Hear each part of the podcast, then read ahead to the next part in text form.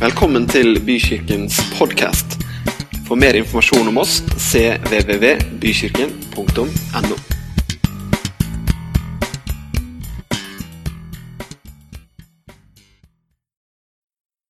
Jeg skal stille et spørsmål nå som du skal få noen minutter å tenke på.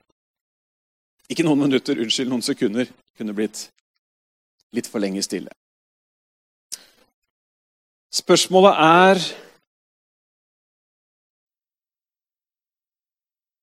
Tørster du? Trenger ikke å svare høyt. Tørster du? Har du en lengsel? Er det noe når du er for deg selv, i stillhet, i bilen, på tur i skogen eller et eller annet? Er det en Har du en fornemmelse av at det er noe jeg lengter etter, eller noe jeg tørster etter?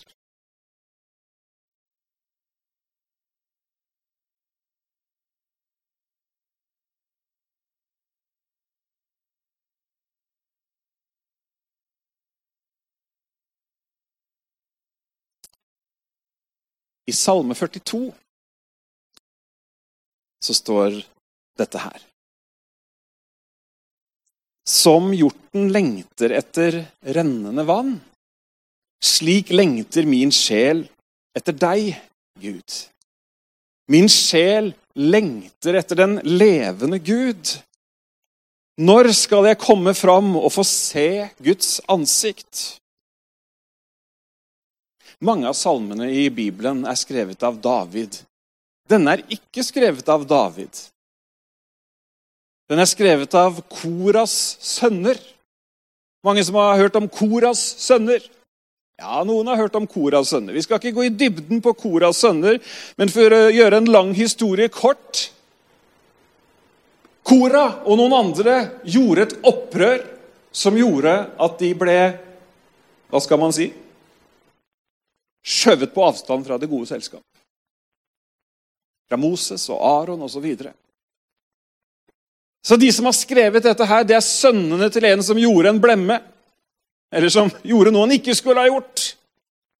Men fortsatt så ligger det i dem en lengsel etter at eller etter å være der hvor Gud er. Og så beskriver de en lengsel på samme måte som hjorten skriker etter vann. Sånn lengter jeg etter deg, Gud. Og noen ganger så kan kanskje vi også, på, på grunn av noe som har skjedd, eller pga. noe som bare har blitt sånn, så kan vi befinne oss i en sånn situasjon som Koras sønner, hvor vi bare Ah, det er omstendigheter nå, det var det for disse også, det går ikke, osv. Men, men likevel så ligger det en lengsel der. Og jeg tror at vi som mennesker, vi har faktisk alle en dyp lengsel. Vi har alle en dyp tørst. Noen ganger så er vi ikke engang i kontakt med vår innerste lengsler. Noen ganger så er kalenderen så full, alt som skjer og alt som ikke skjer osv. Så, videre. så det er liksom lenge siden kanskje for noen at man egentlig har stilt seg selv spørsmålet hva er det egentlig jeg tørster etter, eller hva er egentlig min dypeste lengsel? Fordi den dypeste lengselen så lett overskygges av hverdagens mange trivialiteter. Er det ikke litt sånn av dere? Jeg tror det er sunt det å ta sånn, eh, enten du reiser på et retreatsenter eller du går deg en tur i skogen. Men vet du hva? det er veldig å anbefale å skape noen lommer i livet ditt hvor du skyver andre ting til side, og så kjenner du på den dypere meningen på lengselen.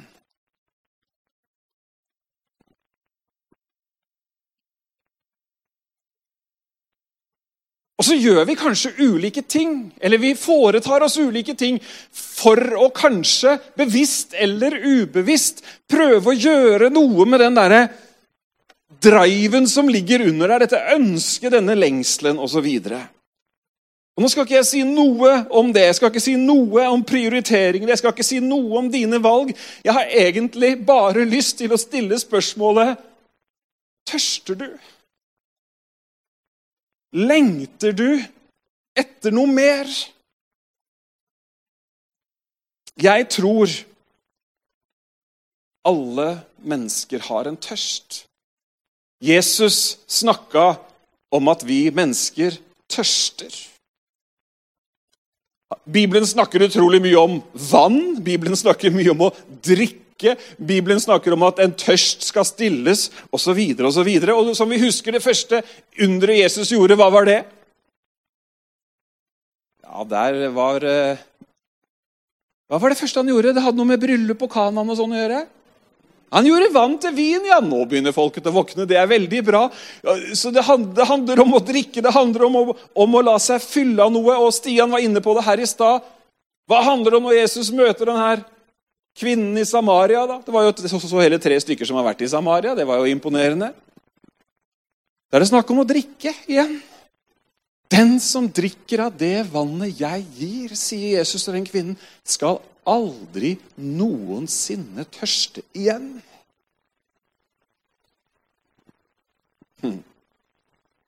Og Så går det litt videre. da, Hvis du tenker i hvert fall at Johannes sine kapitler er liksom rekkefølgen, så går det bare tre kapitler videre, og så er det snakk om vann igjen. Vann var en sentral ting i den kulturen. Det er tørt, det er varmt. Og Mange husker til og med også at israelsfolket var på en vandring i ørkenen i, i Hvor lenge var de der? 40 år, ja! Nå begynner eh, bibellærerne å våkne her. Og blant, blant utfordringene når, de, når, du er ute i ørkenen, så er det å finne vann en sånn hovedgreie. Og ved et av tilfellene der hvor de trenger vann, hva gjør Moses da? Jo, han får beskjed av Gud om å slå på fjellet, slå på klippen. Og hva skjer? Jo, det kommer vann ut. Og den dag i dag så feirer jo jødene dette. De feirer det med løvhyttefest. De feirer at Gud han var trofast og ga dem vann. Og ikke bare feirer de at han en gang ga dem vann, men under løvhyttefesten så leser de også fra en av profetene som heter Esekiel. Esekiel 47, der er det veldig mye vann. Vi skal innom der også. Men, men midt i dette søndagsmøtet, på det siste store møtet i løvhyttefesten, der er Jesus, og han snakker om vann. Han snakker om tørst. Og bare For å ta deg litt med inn i settingen det de, gjorde, det de gjorde da under denne feiringen, var at de forsøkte å symbolisere hva profeten Esekiel hadde snakka om. For å skjønne at Profeten Esekiel han var jo litt av en eh, for å si det sånn, Gud måtte gi han ekstra styrke for at han skulle tørre å si det han sa. For det, første delen av, Esekiel så er det advarsel til Israel. andre delen av Esekiel så er det advarsel til alle landene rundt på grunn av alt det de har gjort. Men den siste delen av Esekiel, eh, profeten Esekiel, den oser av håp. Den oser av at det kommer noe som skal overgå alt det dere har sett. Og Derfor så leste de under løvehyttefesten den dagen når Jesus var der, som vi leser om i kapittel 7, så hadde de forsøkt å symbolisere det som Esekiel sa. For Esekiel sier i, i kapittel 47 han snakker om en elv som skal bryte fram. Han snakker om vann som skal gjøre friskt osv. Så, videre. så de rigga seg sånn at det kom det, det rant vann fra alteret i tempelet for å symbolisere det som skulle skje. Og jeg veit ikke hvordan du hadde tatt det å være som møtebesøkende under den siste store dagen i løvhyttefesten. Er det noen som har vært i Israel og feira løvhyttefest? Ja, det er noen som har vært det òg, vet du. Skal slippe å svare for hvordan du oppførte deg, Kenneth.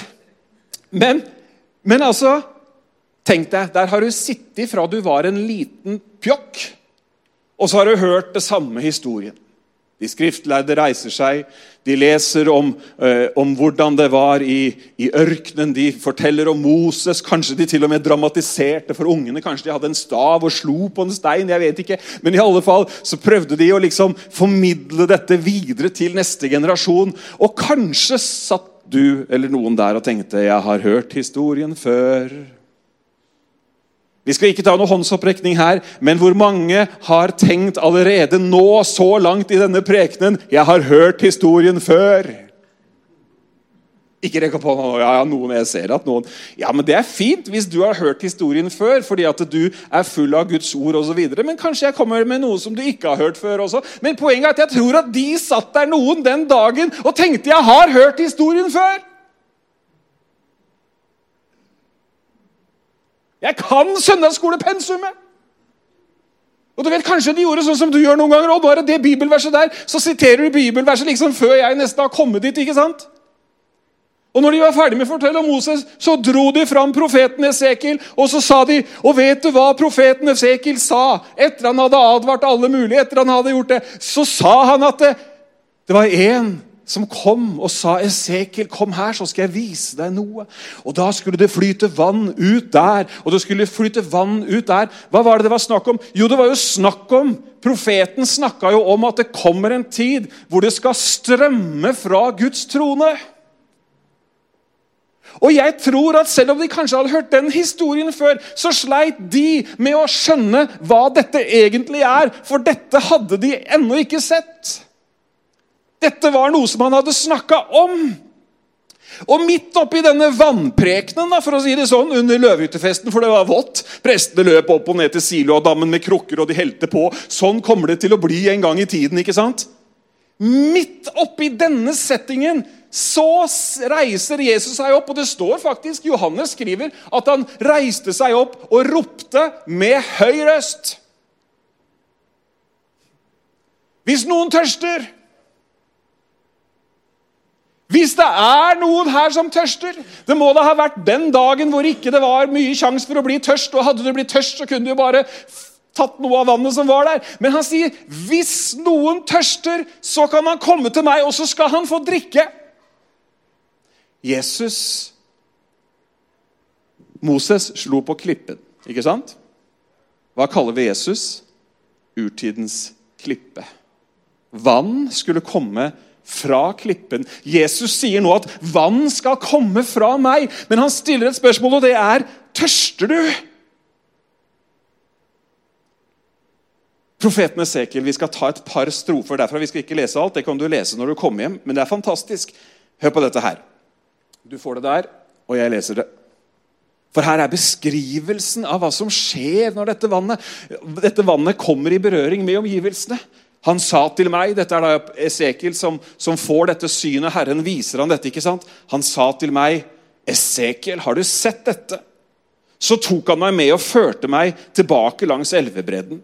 Da jeg kom tilbake, var det mange trær både på den ene og den andre siden av elvebredden. Så sa han til meg, dette vannet renner ut mot området i høst. Det går ned dalen og renner ut i havet. Når det kommer ut i havet, blir vannet der friskt. Det skal vrimle av liv overalt hvor de to elvene renner. Det skal bli svært mange fisker der hvor dette vannet renner. Vannet er helsebringende, og alt skal leve overalt der hvor elven renner. For et budskap! Det skal være helsebringende. Det skal være mye fisk. Og så hopper jeg et par vers, og så kommer neste her. På begge sidene av elven skal det vokse alle slags trær som skal gi mat. Bladene på dem skal ikke visne, og frukten skal ikke ta slutt. De skal bære ny frukt hver måned, for vannet renner til dem fra helligdommen. Frukten fra dem skal være til mat, og bladene til legedom.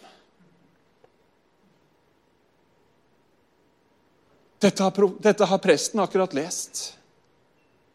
Dette har de skriftlærde akkurat lagt ut for n-te gang. Og kanskje satt det noen der som ligna litt på noen av oss og tenkte ja da, jeg har hørt om de bladene, jeg har hørt om den elva, jeg har hørt at det finnes legedom, jeg har hørt det ene, jeg har hørt det andre. Er du med på tankegangen? Jo da, det høres fint ut, men midt oppi alt dette her så reiser Jesus seg opp og så sier han, det han sier, er egentlig 'Dette vannet dere hører om nå, det kan du få av meg'. Hørte du hva jeg sa? Dette vannet som dere hører om nå, det er jeg som gir det vannet. For det er jeg som er klippen. Det er jeg som, som, som har gudslivet i meg. Og det skal gis dere. Og så står det jo Dette sa han om ånden, som ennå ikke hadde kommet, fordi Jesus ikke hadde gått opp til himmelen ennå. Tørster du? Hm. Jeg, tror de, jeg tror de som satt der den dagen, de var litt sånn derre Jo da, det var fortiden. Vi kjenner historien. Ja da, vi har hørt at det skal skje et eller annet.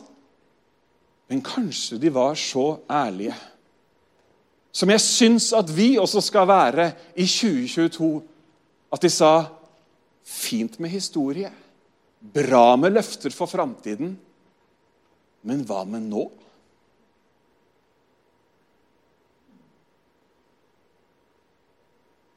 Hva med her og nå? Sagt på en litt annen måte jeg vet at Gud kan, for det har vi sett at han har gjort, og jeg vet at han har sagt han skal gjøre noe, men hva med nå? Har du stilt det spørsmålet? Ja, men nå da, Gud? Ja, men her og nå? Hvor er du? Når griper du inn? Hva kan du gjøre? Vet du at Jesus han møter oss alltid i vår nå-situasjon? Han møter oss ikke alltid i et knips, sånn som vi er vant til at vi trykker på en knapp, og så skjer det. Vi har bestilt noe, og så syns vi at det tar fryktelig lang tid hvis det går mer enn 24 timer før budbilen kommer og leverer det. Ikke nå i den betydningen av tid akkurat her og nå, men nå i den betydningen av at den situasjonen du befinner deg i, livet ditt her og nå, det ønsker han å komme inn og være en hjelp i. Amen. Det er veldig fint med det som har vært. Det er veldig fint med det som skal komme. Det er kjempefint med alle, alle historiene om hva Gud har gjort. Men hvis jeg trenger Gud her og nå, så trenger jeg Gud her og nå. Jeg bare Jeg bare sier hva jeg tenker. Er du ikke enig?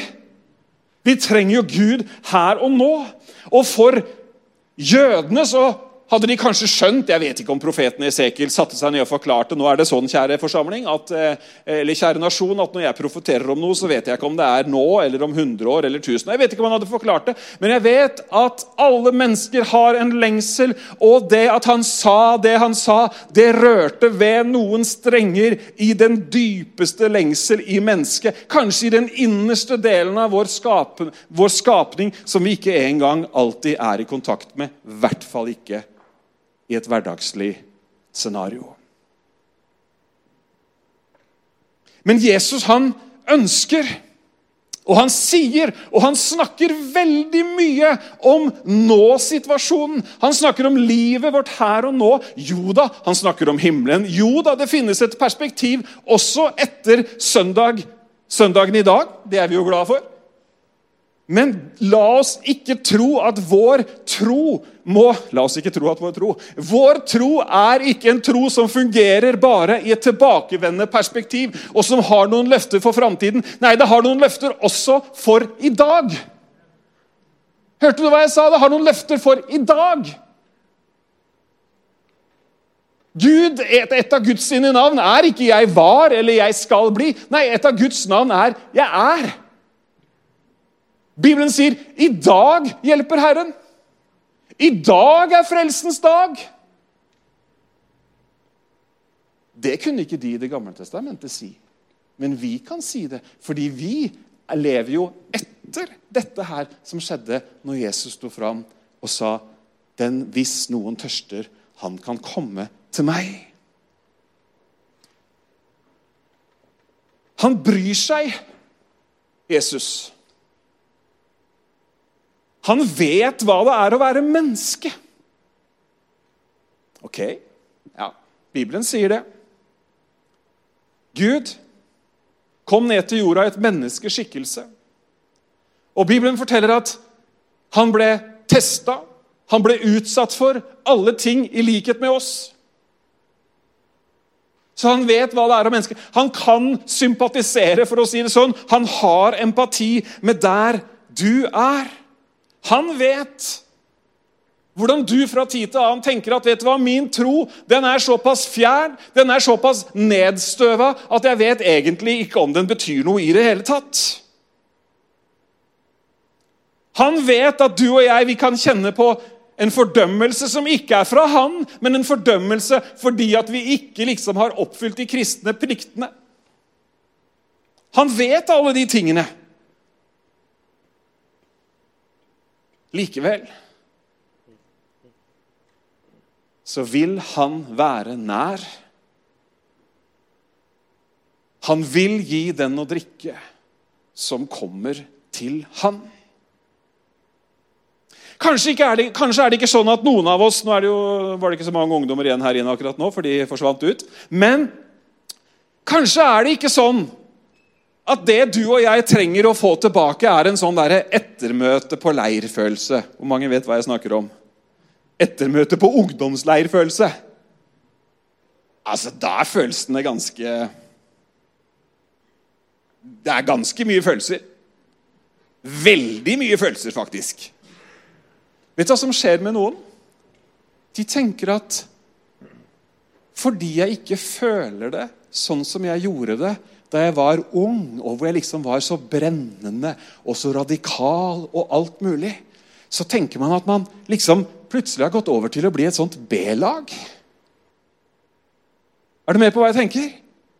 Man tenker at ja, nei, Gud han skal vel liksom møte meg på samme måte som han en gang gjorde da. Nei, vet du hva? Mennesker lever i ulike faser, og jeg tror at en ting som vi som menighet og som, som, kirker i dag må være flinke på, er å hjelpe mennesker fra tenåringstroen over i en voksen tro. Amen. For det er ikke det samme å være 13 og være 30. skjønner du. Hvis du er 13 og tror at alt skal føles og oppleves som når, når, når, når du var 13 Det kommer ikke til å skje. Og fordi det ikke skjer, ja, Noen skulle ønske at det kan skje, men det kommer ikke til å skje. Men det vi trenger å vite, er at alt er ikke like sort-hvitt. Følelsene er ikke så høye. Vi har, vi har utvikla oss litt, vet du. Ja, takk og pris, kunne du sagt nå. Det var slitsomt å være 13 år, var det ikke det? Nei, dere husker ikke, nei? Nei. Ja, det er så lenge siden, ja. Men det skjønner at han bryr seg. Hvis noen tørster, kan han komme til meg. Han stiller spørsmålet hvis du tørster. Det er klart vi tørster. Nå vet ikke jeg hva du svarte for deg sjøl på hva du tørster etter, men det er klart vi tørster som mennesker. Vi tørster, vi, vi må jo drikke støtt og stadig, og rent fysisk så må, må, man jo ha et visst antall liter vann inn per uke ikke sant? eller per døgn osv. Og, og, og, og man, man, tørster, og man, man, man, drikker jo, men så er man jo jammen meg tørst litt etterpå igjen. Ikke sant? Kjære deg. Den hellige ånd er løsningen som kobler seg mot dine og mine behov. Alle mennesker har et behov. En lengsel som bare Ånden kan fylle.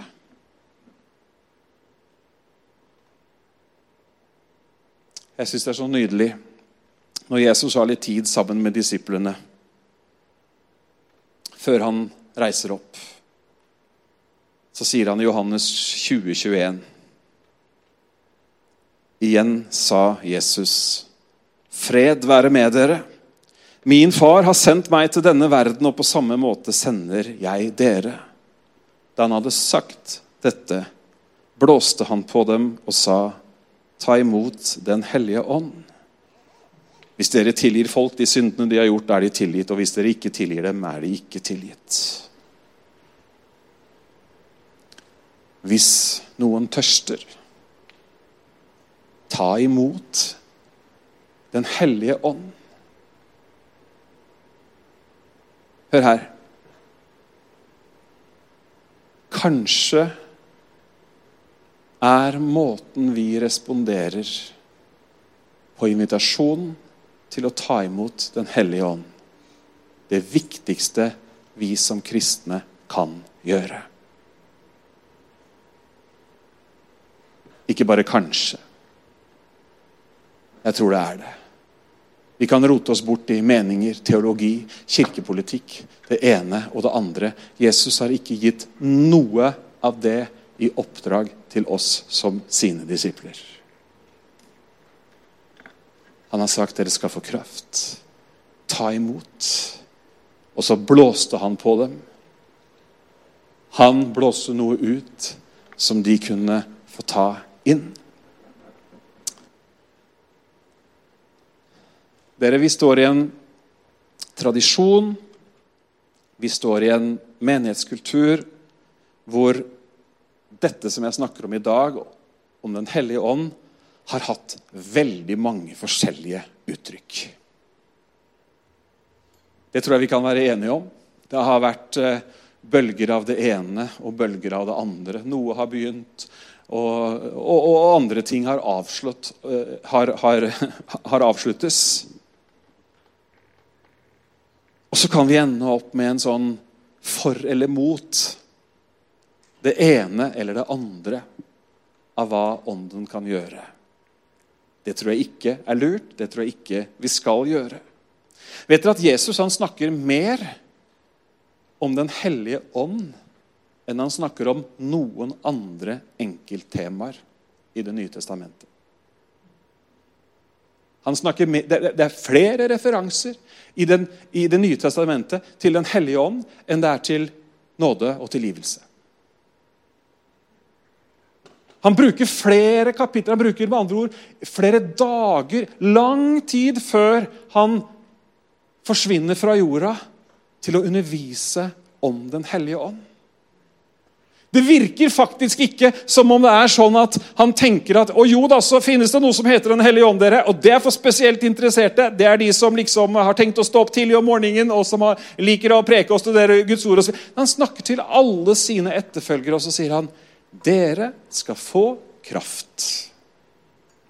Så her er spørsmål nummer to, som du kan få svare på helt selv. Trenger du kraft?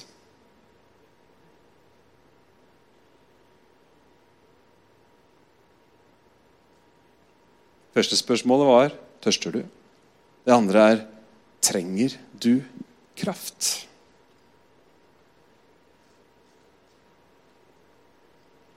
Jeg tror jeg vet svaret til majoriteten. Og det er ja. Jeg trenger kraft. Men hva trenger vi kraft til? Kraft for å passe inn i en eh, litt sånn eh, overkarismatisk setting? Nei.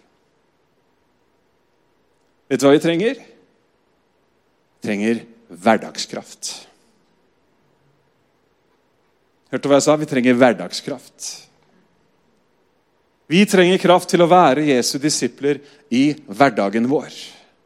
Jo da, at det er et og annet høydepunkt. Eh, og Jeg sier ikke noe mot den ene eller den andre hva skal man si, trend som har vært her. og Jeg har ikke noe behov for å ta stilling til det. Men det Jesus har lovet, det er hverdagskraft. Den som drikker av det vannet jeg gir, i han så blir det en kilde av levende vann. I Johannes 7 så sier han og det vann, den som tror på meg, sånn som Skriften har sagt Han refererer til Skriften vi allerede har hørt. Fra dens liv så kommer det til å flyte kraft. Og så har jo Esekiel beskrevet hvordan den kraften er. Jo, kraft som gjør det døde levende. Amen. Kraft som bringer liv. Amen når Den hellige ånd kommer. Nå skal vi vise hvordan det ser ut når Den hellige ånd kommer, og det skal Torgeir og jeg gjøre.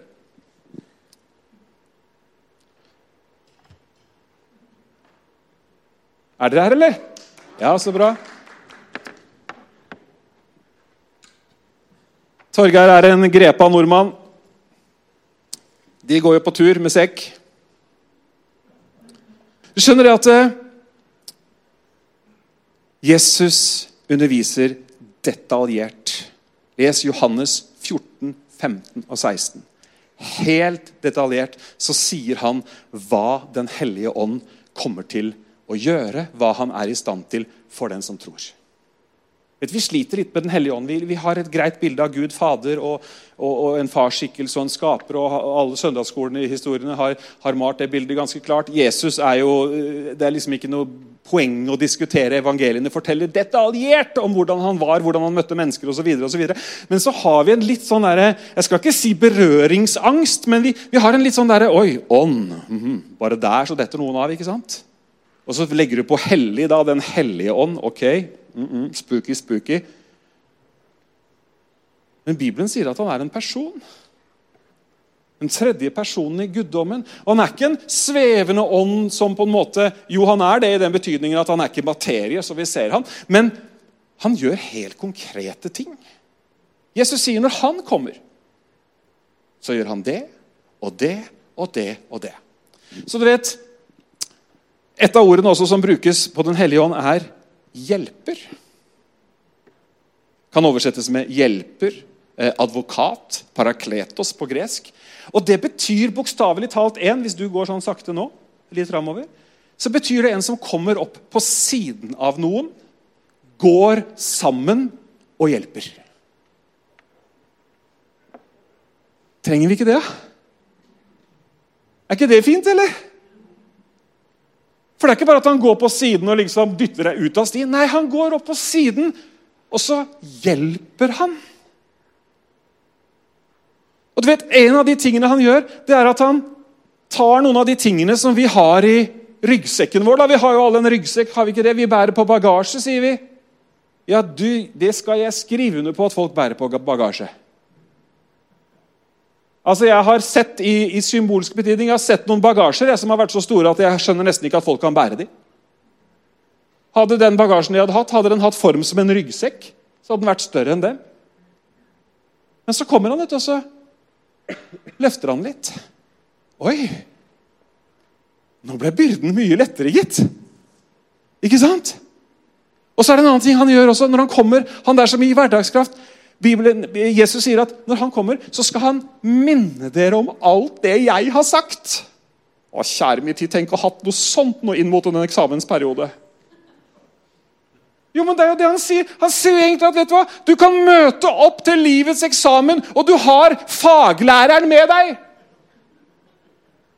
Den hadde jeg ikke tenkt på. Den var egentlig ganske bra. Det skulle Jesus ha sagt i, Matteus, nei, i Johannes 14, 15 eller et eller annet. Men det er det han snakker om. Du har en med deg som når du møter ting, for det gjør vi, så har du en som han tar det som jeg har sagt. Her tok jeg med en bibel, ikke bare en bibel, men Amplified Bible. Noen som har lest Amplified Bible? Det er kjempekult, for de, bare, de tar og bare drar ut betydningen av hvert eneste ord og liksom gjør det. Ok, nå skjønner jeg det! liksom. Det gjør Den hellige ånd, som går sammen med deg og meg på tur. Lever livet sammen med deg og meg. Han tar, og så, og så, går, og så beveger man seg på tur, og man lever jo livet. Og så, og så, og så møter et og annet da. Lå det ikke noe mer oppi her? da? Skal vi se. Husker ikke. Jo, så møter jo et og annet oss, ikke sant? Så plutselig, da, så, så, møter, så møter vi Jeg vet ikke om du har møtt det, men det skjer jo, da. Både interne og eksterne anklager. Har du møtt det? Hvis ikke du har møtt det, så er du ikke et menneske. Nei, jeg er ikke god nok. Nei, jeg passer ikke inn. Nei, nei, det får jeg ikke til, osv. Jo da, anklagene de kommer. Men hva gjør han da? Da sier han det, Torgeir, nå skal du høre her. Vet du hva det står i Romer, brevet kapittel 8? Der står det at hvem kan skille oss fra Kristi kjærlighet? Verken død eller angst eller rykter eller det ene eller den andre forsiden. Ingenting kan skille oss fra hans kjærlighet. Det sier vår hjelper. Trenger du kraft? Ja. Og så vet han at andre ganger så er det kanskje sannhet vi trenger. Når han kommer, sannhetens ånd, sier Jesus, så skal han veilede dere til hele sannheten. Ha, det er fint. Hele sannheten.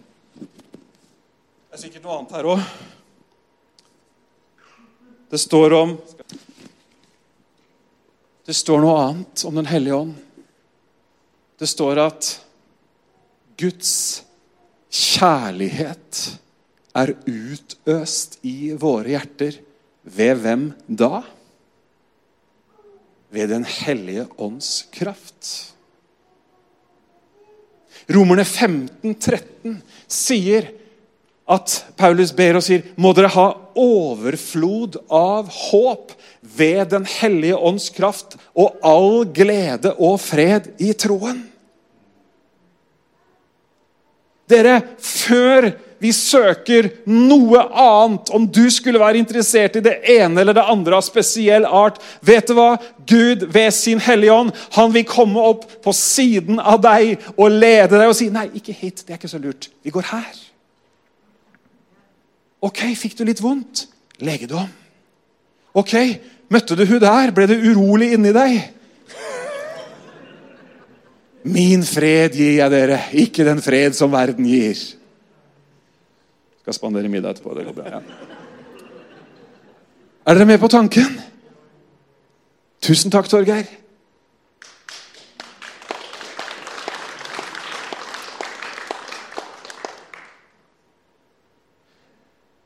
Jeg har lyst til å gi en eh,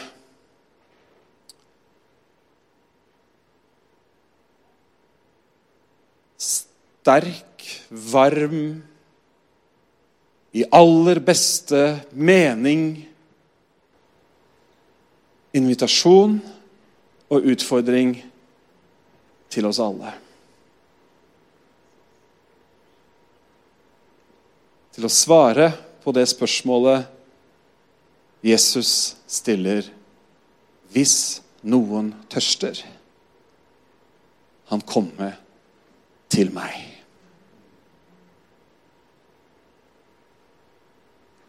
Som menighet så er det én ting vi inviterer til.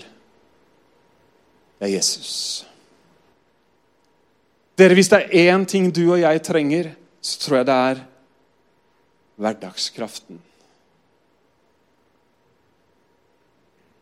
Hvis det er én ting jeg tror vi har å gi til de som ønsker å konfrontere, de som ønsker å diskutere og debattere, så er det dette levende vannet som gir resultater som ingen kan diskutere.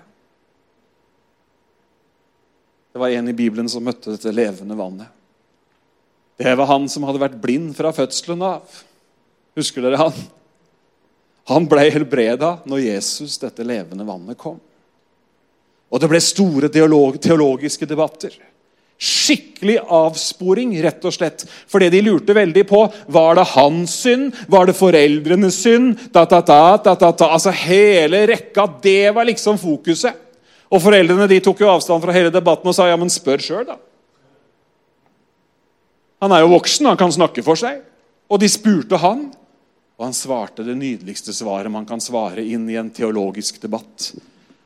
Han sa én ting vet jeg. Jeg var blind. Nå ser jeg. End of discussion. Så må du gjerne sitte der og surre deg inn i en eller annen ettertavle eller et eller annet annet uvesentlig. Men én ting vet jeg. Jeg ser. Invitasjonen til oss, til deg. La oss gå til Han. La oss oppleve den fornyelsen som bare Den hellige ånd kan gi. Jeg jobba sammen med en dame for noen år siden. Og Nå vet jeg ikke akkurat om hun ville kalle seg Koras datter. Jeg tror ikke hun har skrevet noen av salmene. Men hun hadde kommet i en situasjon i livet og det var ikke, Jeg tror ikke hun kunne peke på én ting, men du vet det ene tar det andre som tar det tredje, og så plutselig så befinner man seg liksom ikke der hvor man egentlig drømmer eller lengter eller tørster etter å være. Men så var det noen som hadde gitt henne en invitasjon. og Jeg vet ikke om det var samme ordene som jeg bruker, men i alle fall så hadde hun svart på utfordringen. Hvis du tørster, kom til meg. Så kom hun. Hun var hva skal man si, hun var gammel i troen. Hadde opplevd mye. Hadde vært med på det ene og det andre. Men så trengte hun en fornyelse. Og Så kom hun og fortalte det til meg. Det var helt nydelig. Med tårene rant, vet du, som det bare kan gjøre på en dame. Og hvordan hun så ufortjent på ny hadde fått oppleve Guds nåde over livet sitt. Og, og, som hun sa, det handler jo ikke om at jeg har forsøkt å forbedre, det handler ikke om at jeg har forsøkt å ta meg sammen, det handler ikke om det ene eller det andre. Men jeg har bare tatt imot denne invitasjonen. Og så begynte vannet å flyte. Og så ble det et annet liv. Jeg fulgte henne eh, i lang tid etter det. Så ble det et annet liv etter det. Akkurat som det ble et annet liv for disiplene, som fikk kraft. Invitasjonen er at du i dag og i dagene som ligger foran Hør hva jeg sier. I dag og i dagene som ligger foran. Så jeg har lyst til å invitere deg ta imot Den hellige ånd.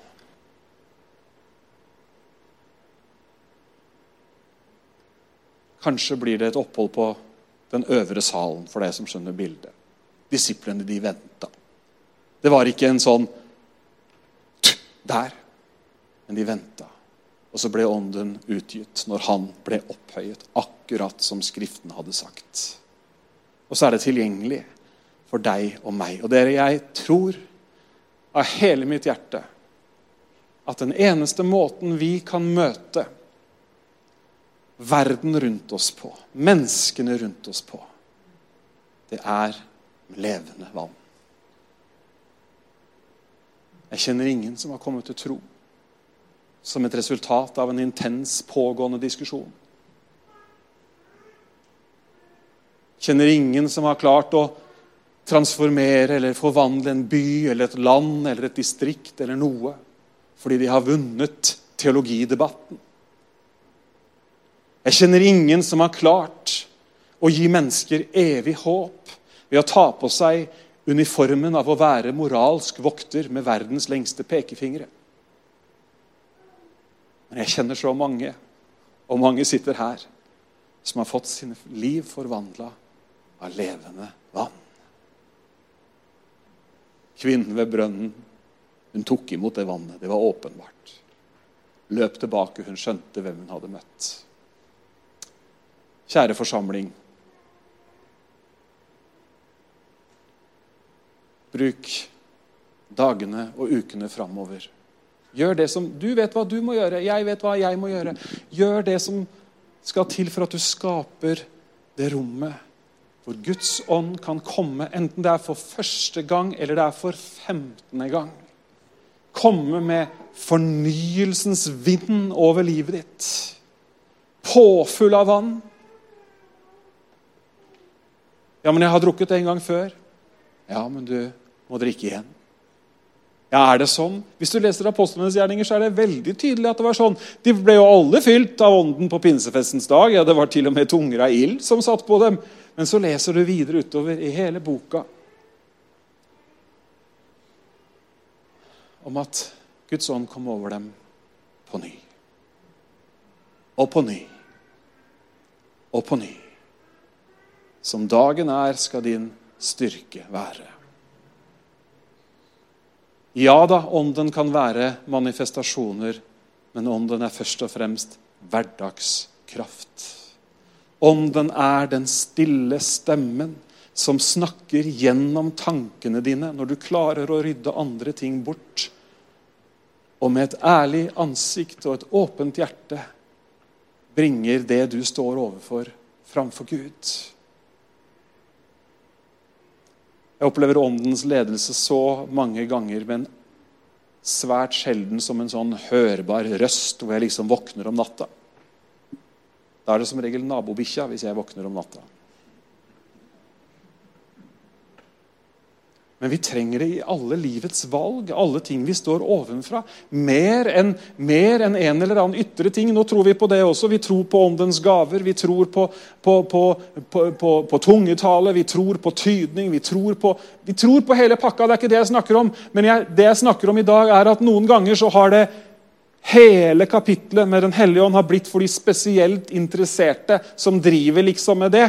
Og så er det ment for noe helt annet. Jeg vil utgyde av min ånd over alle mennesker. Unge, gamle, menn, kvinner, treller, frie. Han tar hele samfunnskategorien, tar alle kategoriene. Det er det han ønsker.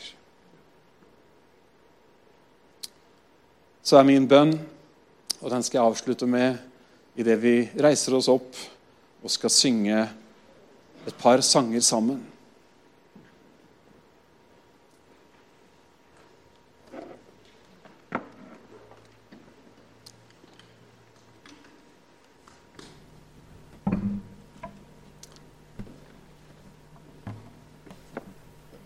Står at Den hellige ånd kjenner eller utforsker dybdene i Gud. Det betyr at han kjenner til alle ting, og han vet hva du trenger i din situasjon, med det som du tenker på, det, det ene eller det andre. Vi er, vi, er vi er, forskjellige, vi står alle i ulike ting, men poenget er at han vil hjelpe oss. Minne oss om det Jesus har sagt. Med andre ord, sette mot i oss. Mange opplever det når de står i prøvede, vanskelige stunder. Så, så kommer Den hellige ånd og så minner den om et eller annet ord, og så sier de det ordet liksom, det har båret meg, eller den sangen har båret meg, eller den salmen. ikke sant? Jeg holder fast. Jeg kjenner en dame som til og med en gang hun sto fysisk på Bibelen og sa jeg står på Guds løfter, for han har sagt til meg i mitt indre at, at, at han er trofast. Hun fikk se store ting skje. Så er min bønn i det vi lovsynger sammen nå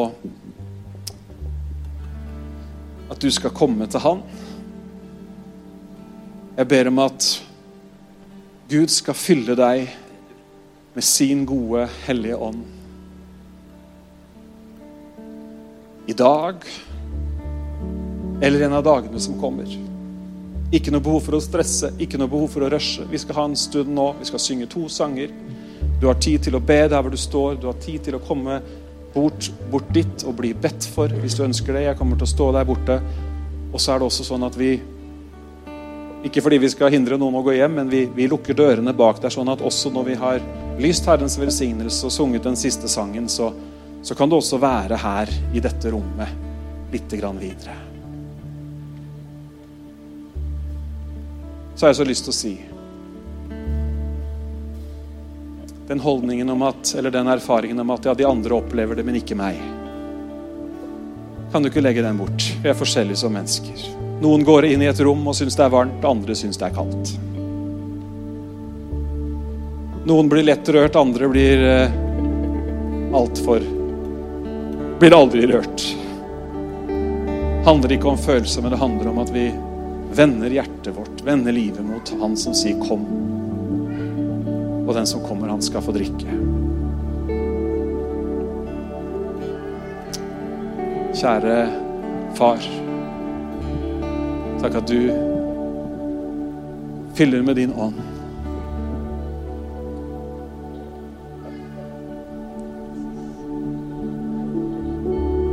Takk at vi kan få ta imot. Takk at vi kan få den kraften i hverdagen som vi trenger. Takk for at du går i forbønn for oss, Herre, ved Den hellige ånd.